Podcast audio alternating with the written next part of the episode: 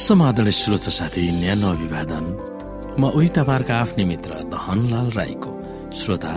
आज म तपाईँको बिचमा बाइबल सन्देश लिएर आएको छु।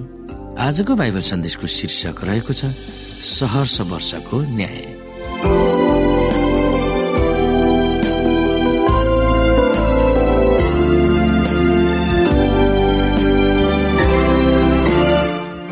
श्रोता यशुको दोस्रो आगमनमा यी घटनाहरू हुनेछन् भनेर बाइबलले हामीलाई बताउँदछ। हामी हेरौँ एक थिस्लो निकी चार अध्यायलाई।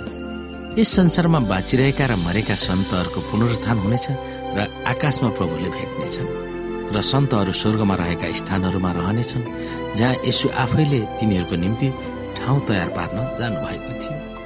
र सहर्ष वर्ष वा हजार वर्षको अन्तमा मात्रै यस पृथ्वीमा नयाँ एरुसिलेम ओर्लिनेछ।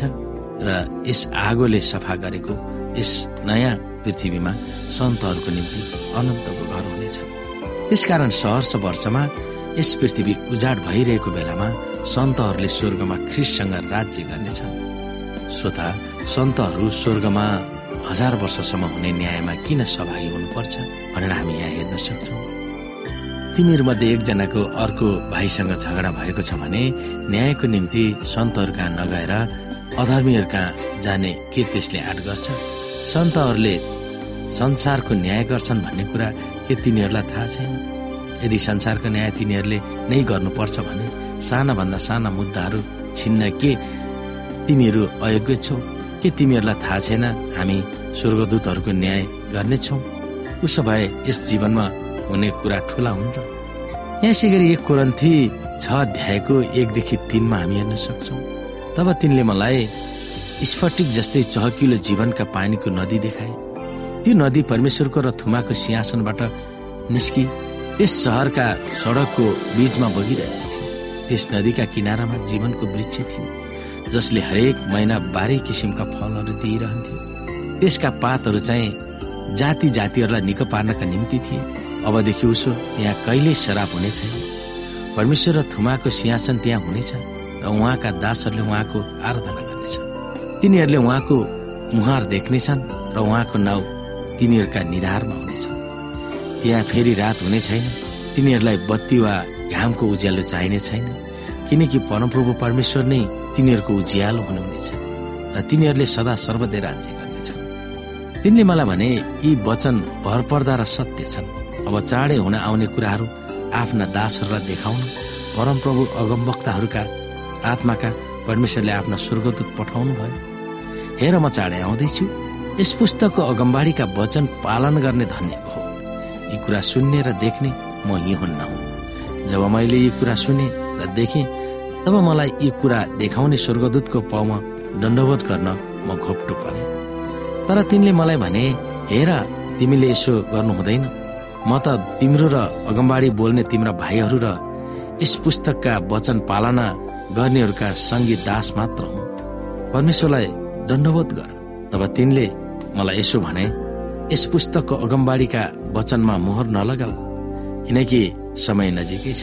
दुष्ट काम गर्नेहरू दुष्ट काम गरिरहोस् अश्लील काम गर्नेले अश्लील काम गरिरहोस् धर्मात्माले धार्मिक कार्य गरिरहोस् र पवित्र जन चाहिँ पवित्र नै भइरहोस्। हेर म चाँडै आउँदैछु। हरेक मानिसलाई उसले गरे अनुसार दिने प्रतिफल मसँग छ। म अल्फा र ओमेगा पहिलो र पछिल्लो आदि र अन्त्य हुँ। जीवनका वृक्षको हक पाउन र सहरका ढोकाहरूबाट भित्र पस्न पाउँ भनी आफ्ना वस्त्र धुनेहरू धन्यका हुन् बाहिर चाहिँ कुकुरहरू तन्त्र मन्त्र गर्नेहरू व्यविचारीहरू हत्याराहरू मूर्ति पूजा गर असत्य मन पराउने र त्यसै मुताबिक चल्नेहरू रहन्छन्। श्रोत साथी सबै न्याय प्रणालीको प्रक्रियाको कारण छ।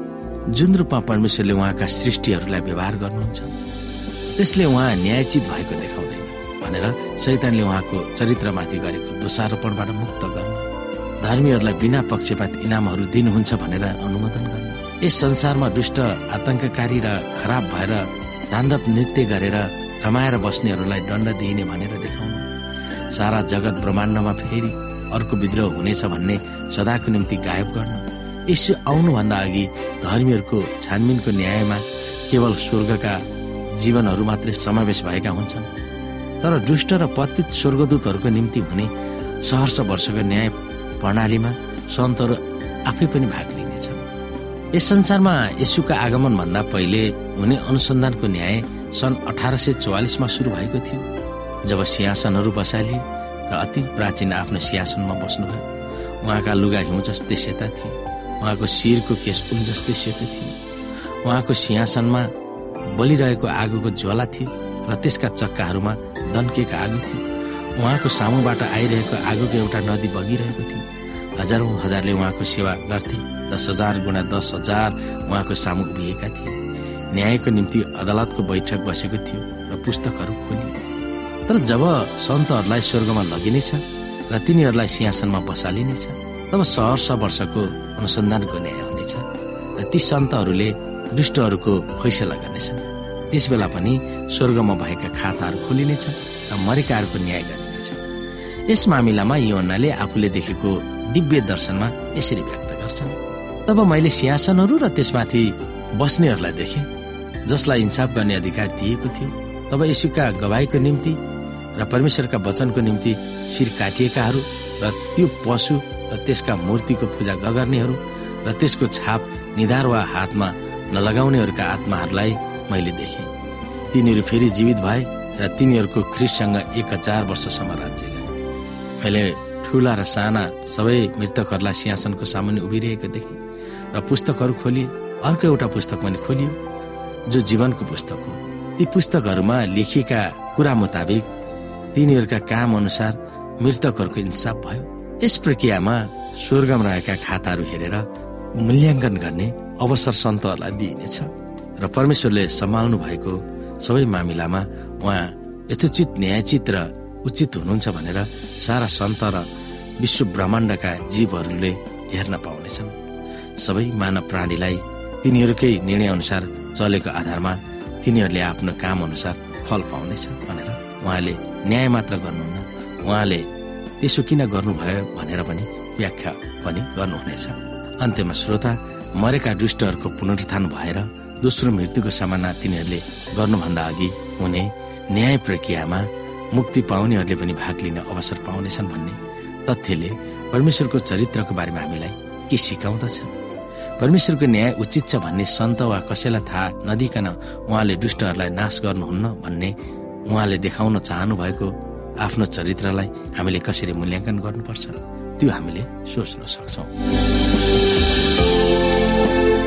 श्रोत साथी आजको लागि बाइबल सन्देश यति नै। हस्त नमस्ते जय मसिंह।